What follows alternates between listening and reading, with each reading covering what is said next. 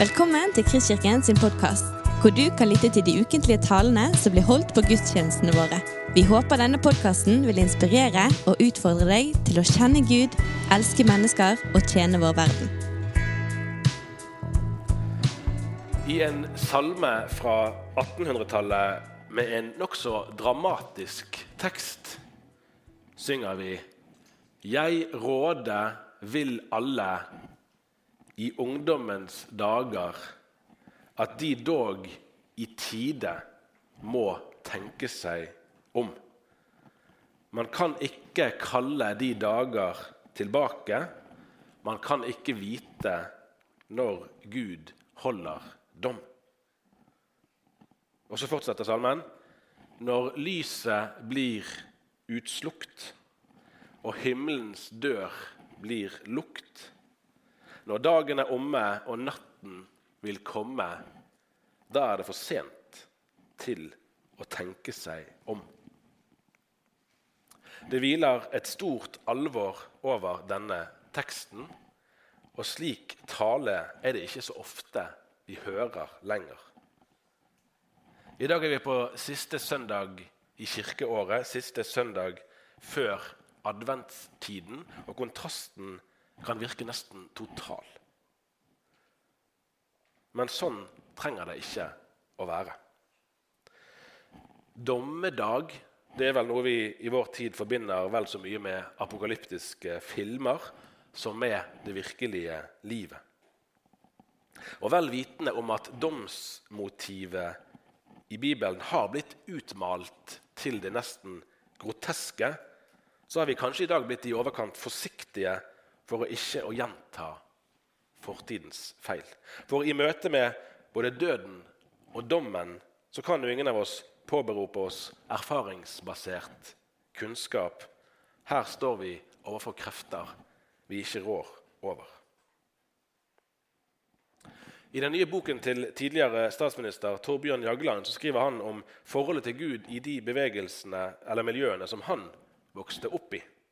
Og jeg siterer Arbeiderne var redde for Gud og Kirken. De fryktet dommedag og den evige fortapelse, men de fleste gikk ikke i kirken. Denne redselen for Gud er det antagelig lettest å kjenne seg igjen i for de eldste blant oss. Frykten for Guds dom den finnes kanskje langt bak i bevisstheten et sted, men får tilsynelatende stort sett være i fred der. En februardag i 2008 kunne man på forsiden av Dagen lese at biskop emeritus Per Lønning, som var intervjuet i forbindelse med sin da forestående 80-årsdag, han ble presentert som at han gleder seg til dommedag. Vi skulle egentlig kunne se forsiden på skjermen. Jeg ser den ikke. det kan være dere ser den. Av de sakene jeg har skrevet i dagen gjennom de siste par og 20 årene, som har havnet på forsiden, så er dette en av de jeg husker aller best. Og som For å gjøre det ekstra dramatisk så var til og med ordet 'dommedag' trykket i rød skrift. Eh, og Tittelen gjør vel det avistitler skal, at den fanger leserens oppmerksomhet ved å uttrykke noe overraskende. Gleder seg til dommedag. Det høres nok for mange ut som det helt motsatte av den naturlige reaksjonen når vi tenker over at vi skal dømmes av Gud. Denne søndagen har navnet Domssøndag eller Kristi kongedag. Det er på mange måter en særlig alvorlig dag, og teksten er til dels rystende. For første gang tror jeg, i alle disse årene så har jeg vært nær ved å angre på at jeg meldte meg til å tale denne søndagen. For det vi skal snakke om i dag, er det ikke lett å snakke om på en sannferdig måte. For min generasjon kristne og for dere som ser på som er yngre enn meg, så er vel selve tematikken i stor grad blitt, eh, blitt fremmed. Det kan nok ha ulike årsaker, men vi kommer ikke bort fra at Jesus snakket om dom. Dette kan ikke avvises som et perifert anliggende. Ut fra vår menneskelige erfaring så vet vi at dom kan være både skjebnesvangert og noen ganger urettferdig. Mange er det som har opplevd seg nettopp urettferdig dømt, enten det er i familien, i vennegjengen, i menigheten, i lokalmiljøet eller i en domstol. Og Mange er det som rundt i verden den dag i dag opplever å stå overfor urettferdige dommere med fullmakt til å påføre andre dyp urett. Derfor er det ikke så rart at, at ordet dom ikke uten videre klinger positivt i ørene våre. Men det ligger òg noe håpefullt bak det, for det finnes rettferdige dommer, og det finnes rettferdige dommere. For den som har opplevd urett, kan det å møte dommeren være begynnelsen på oppreisningen. Derfor er ikke bildet helt mørkt heller. Vi lever jo i det vi kaller en rettsstat, og det ligger i selve ordet at vi gir myndighetene maktmidler for å opprettholde rettferdighet. Så tanken om en domsinstans er ikke bare negativ. Jeg har flere ganger eh, herfra vist til tavlen som henger på veggen over døren på vei ut av salen i Bergen frikirke. Der leser vi ordene fra Jesaja 33, vers 22. For Herren er vår dommer. Herren er vår lovgiver. Herren er vår konge. Han skal frelse oss. Det er et vers fullt av paradokser, dette. Dommer er gjerne en vi er redde for. Dommer er ikke uten videre mest opptatt av rettferdighet. Han kan være styrt av helt andre interesser på egne eller andres vegne, men han har makt til å dømme. Tilsvarende kan en lovgiver være mer opptatt av å sikre seg sjøl og sin gruppes interesser, makt eller prestisje, mer det enn å utforme lover som ivaretar ulike parter, eller som grunnleggende ivaretar det som er sant, og det som er rett. Lovgiver har stor makt, og en makt som kan misbrukes. I Norge er vi videre vanligvis godt fornøyd med kongen vår, men vi skal ikke reise langt, verken i tid eller sted, for å finne konger med en fremferd som var langt mer problematisk. I mange situasjoner er kongen, fyrsten, keiseren, hva lederen nå heter, nærmest vandrende i grusomhet. Men sånn skal det altså ikke være for oss som Guds folk. For det er Herren som er vår dommer. Dermed vet vi at vi blir dømt rettferdig. Herren er vår lovgiver Derfor vet vi at det er etter hans standard vi blir dømt. Herren er vår konge. Derfor skal vår lydighet og lojalitet stå til ham fremfor til noe menneske. Og han skal frelse oss.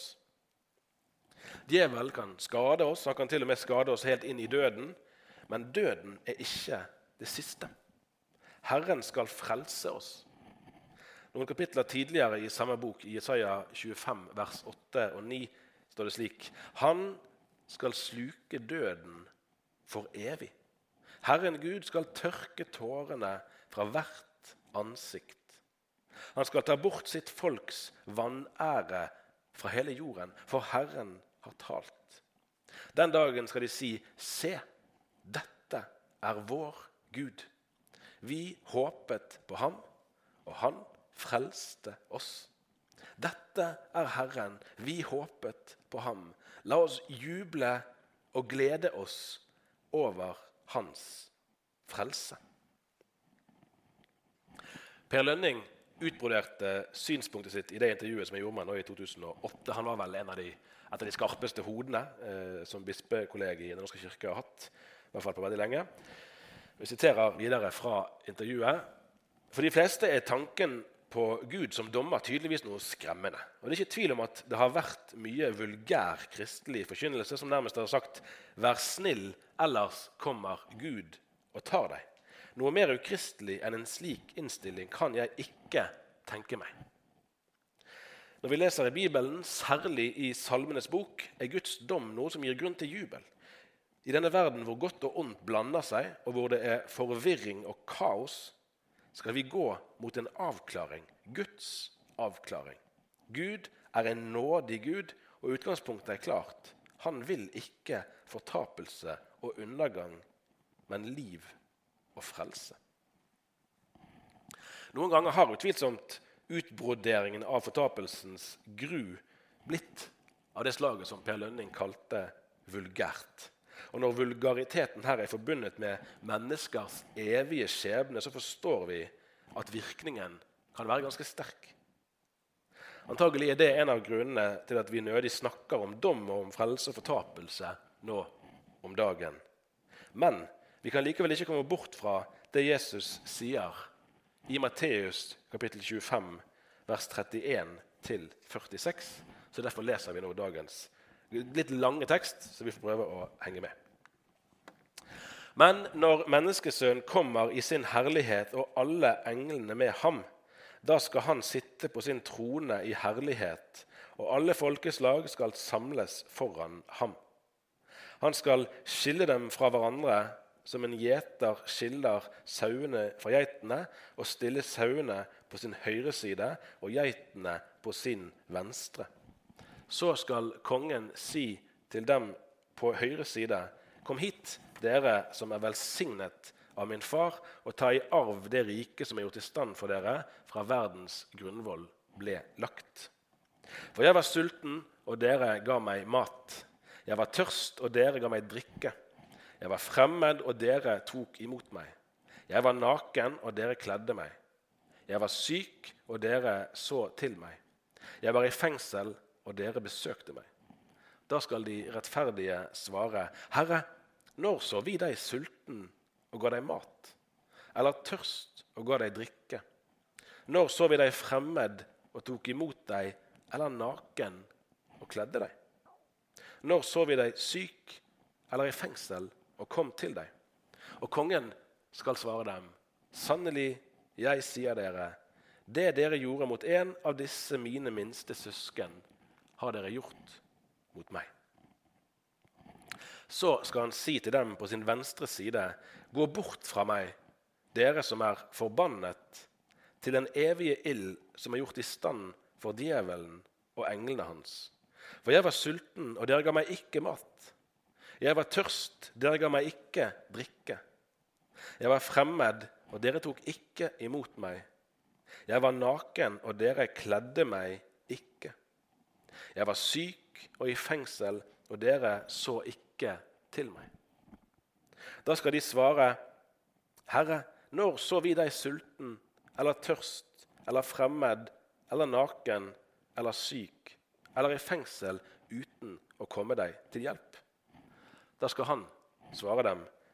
Sannelig, jeg sier dere, det dere ikke gjorde mot en av disse mine minste, har dere heller ikke gjort mot meg.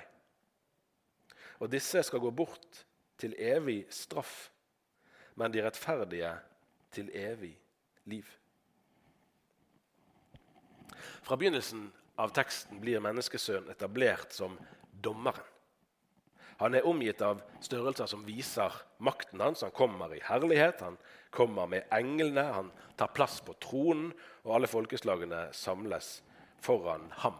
Kontrasten både til den høytiden som nå ligger like foran oss, og til påsken, som lå like foran Jesus på den tiden her, kunne vel nesten ikke vært større. Den gangen var tronen hans en krybbe altså i juletiden. Nå er situasjonen i teksten vår en ganske annen. I det daglige så beitet sauene og geitene sammen. Men om kvelden måtte sauene og lammene i stallen. Og På en tilsvarende måte skal menneskesønnen i dommen sette et skille mellom de folkeslagene som står foran tronen. De på den ærefulle høyresiden blir invitert inn i Guds rike. De andre vises bort til straffen, og begge domsavsigelsene er evige. Teksten kan være en utfordring for protestanter ved at den gir inntrykk av at domsgrunnlaget er en slags uh, alminnelig velgjørenhet. Det kan virke som en motsetning til bl.a. Paulus sin lære om rettferdiggjørelse. Men det er en lang eh, bibelsk eh, tradisjon for å forstå tematikken i dagens eh, tekst som læren om to utganger. Eh, biskop Olav Skjevesland skriver at livets dypeste alvor det går om det radikale alternativet, nemlig Guds rikes glede eller å bli værende i mørket utenfor. Og Så kan vi spørre da om tekstens budskap er at det alt kommer an på, det er å vise praktisk nestekjærlighet. Eller at vi møter Gud, altså Jesus, i våre medmennesker. Og Det er sant at vi i ordspråkene 1917 leser at den som hjelper den fattige, låner til Herren. Og så er det også det å si at uttrykket 'disse mine minste', eller 'disse mine minste brødre', eh, det er ellers brukt om Jesu disipler flere ganger i Matteus evangeliet. Altså ikke nødvendigvis om alle mennesker. Så dermed kan vi si at det menneskene gjør mot de som representerer Jesus, det står som et tegn på deres holdning til ham, og et varsel om at de vil få en gjenytelse. Så teksten hviler altså på en slags solidaritet mellom Jesus og de som representerer ham, skriver den nevnte Skjevesland. Så hvordan man behandler Jesu disipler, det blir et uttrykk for holdningen til Jesus sjøl. Og den holdningen blir grunnlaget for dommen. Og Da kan vi frimodig legge til grunn troens visshet om at dommeren sjøl har tatt dommen på seg og sonet straffen for de skyldige. Flere av de som har skrevet om denne teksten, understreker at det vi leser her, ikke må forstås som noen lignelse, selv om teksten inneholder billedlige elementer som dette med sauene og geitene. Snarere er det å forstå som en realistisk skildring av dommen sjøl, som Hans Kvalbein skriver det. Utgangspunktet for selve domsscenen kjenner vi igjen fra profeten Daniels bok kapittel 7, vers 9-14, uten at vi skal lese den teksten òg nå.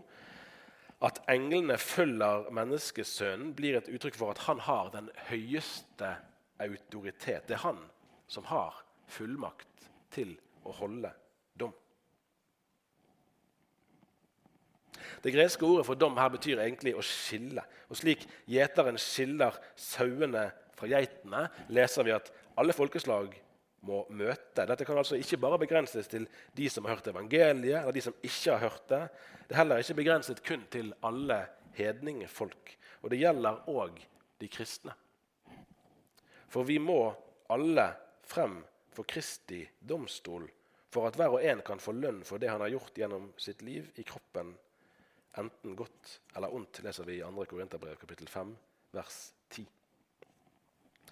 Her kan det være nyttig å ha med at til og med Martin Luther, som jo ellers er kjent for å betone frelse ved nåde alene, uten gjerninger, en tanke som ikke akkurat er fremmed for Paulus heller, han sa at troen aldri er alene, fordi sann tro føder gode gjerninger. Og Derfor kan den nevnte Olav Skjevesland trygt skrive at i NT, altså i Det nye testamentet, så ser vi iblant at fokus ligger på gjerningssiden, fordi man anser at tro og gjerninger utgjør en ubrytelig helhet.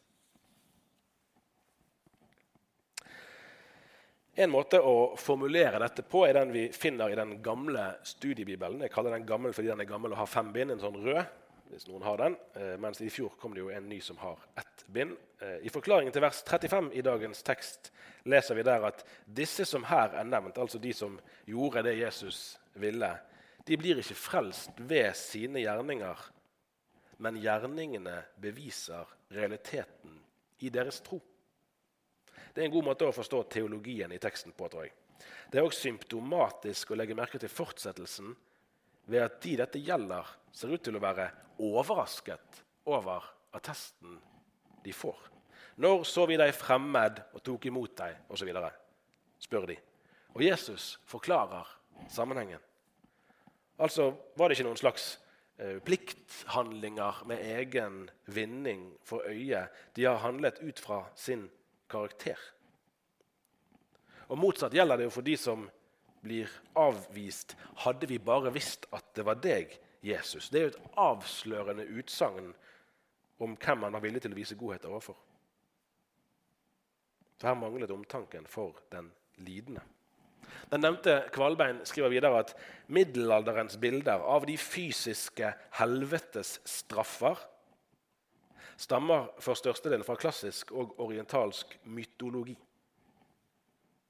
Men teksten gjør det utvetydig klart at det kun finnes to muligheter i Guds dom, og at det er forferdelig å falle i hendene på den levende Gud, slik vi leser i Hebreerne 10, 31. Så dommen skal altså felles på bakgrunn av folkeslagenes holdning til disse mine minste. Ja vel, Men hvem er nå disse mine minste? En mulig tolkning er jo at det er lidende mennesker i sin alminnelighet. Men tanken om at gudstroen så å si går opp i medmenneskelighet, eller kan begrenses til det, den strider jo dypest sett mot selve nerven i denne scenen som handler om at vi skal stå til regnskap for den levende Gud. Så Derfor er en annen og minst like nærliggende forståelse altså at begrepet her handler om disiplene, som ofte ellers blir omtalt som en familie eller en søskenflokk. Det nye testamentet gir oss ingen eksempler på at Jesus ellers kaller nødlidende i sin alminnelighet for sine brødre. Men så skriver Kvalbein videre med rette at en slik forståelse kan virke svært anstøtelig. Skal virkelig verden dømmes etter de gode gjerninger de gjør mot de kristne? Her er det for det første nyttig å ha med i betraktningen at vi ikke snakker om Kirken slik vi kjenner den nå, men om dem som hadde forlatt alt for å følge Jesus. Og Jesus har gitt disiplene dermed alle kristne, fullmakt til å representere ham i verden. Så Dermed kan vi si at dommen dypest sett skjer på grunnlag av hvordan menneskene har tatt imot Jesus sjøl. Og Sånn blir teksten en alvorlig formaning til alle som hører budskapet om å ta imot både ordet og sendebudet. Det er også viktig å legge merke til at hvis gode gjerninger som sådan oppfattes som frelsesvei, så kommer dette i konflikt med både andre sider ved Jesu eget budskap og òg med Paulus sin undervisning om frelse ved troen og nåden alene. Så Den andre tolkningen matcher altså både språkbruk og tankegang i Matteus og i Det nye testamentet for øvrig. Og Dette innebærer jo da at frelsen i Guds dom gis oss på grunnlag av at vi har tatt imot Kristus, som møter oss i disse mine minste som han har utsendt. De gode gjerninger mot de små er da et uttrykk for en holdning til Jesus sjøl og til hans budskap. De er uttrykk for og frukter av en levende tro. Men gjerningen er altså ikke noe den troende kan påberope seg sjøl i dommen. Den sanne tro vet at den er avhengig av Guds tilgivelse og prøver å ta konsekvensene av denne avhengigheten i kjærlighet til medmenneskene. Om vi skal forstå teksten med lutherske briller, kan vi si med den nevnte Kvalbein som vi ser her, at vi møter Gud i alle nødlidende. Sterkt utsagn, det. Sant? Da møter vi Hans lov. De er en utfordring til handling. Vi møter Gud i Kristus, i Jesu utsendinger. Der møter vi evangeliet som de er sendt med. Jesus tilgir syndere. Så Dermed møter vi i domsscenen i teksten vår både Kristi storhet som dommer og samtidig hans identifikasjon med de små og hjelpeløse. Og Dermed korresponderer teksten i Matteusevangeliet godt med den gammeltestamentlige leseteksten for denne søndagen, som er fra Jesaja kapittel 57, der vi skal lese et utdrag av vers 14 til 16. I det høye og hellige bor jeg, og hos den som er knust og nedbøyd i ånden. Jeg vil gi ånden liv hos dem som er bøyd ned, gi hjerteliv hos dem som er knust. For jeg fører ikke sak til evig tid og er ikke harm for alltid. Sunnmøre kristelige ungdomskor synger vakkert salmen 'Leid milde ljos' og setter ord på noe av den ydmykheten vi alle trenger å ha så lenge vi vet at vi ikke har nådd helt i mål, og så lenge vi vet at vi står overfor krefter som vi sjøl ikke rår over. Lei milde ljos gjennom Skoddeheim, lei du meg fram Jeg går i mørke natt langt fra min heim. Lei du meg fram. Før du min fot, jeg treng ei sjå min veg, så langt og vidt eit steg er nok åt meg. Ta i arv det riket som er gjort i stand for dere, sier Jesus. Arv er ikke noe man gjør seg fortjent til, og her ligger vårt håp. Vi arver frelsen i kraft av vårt barnekår hos Gud. Det har Jesus lovet.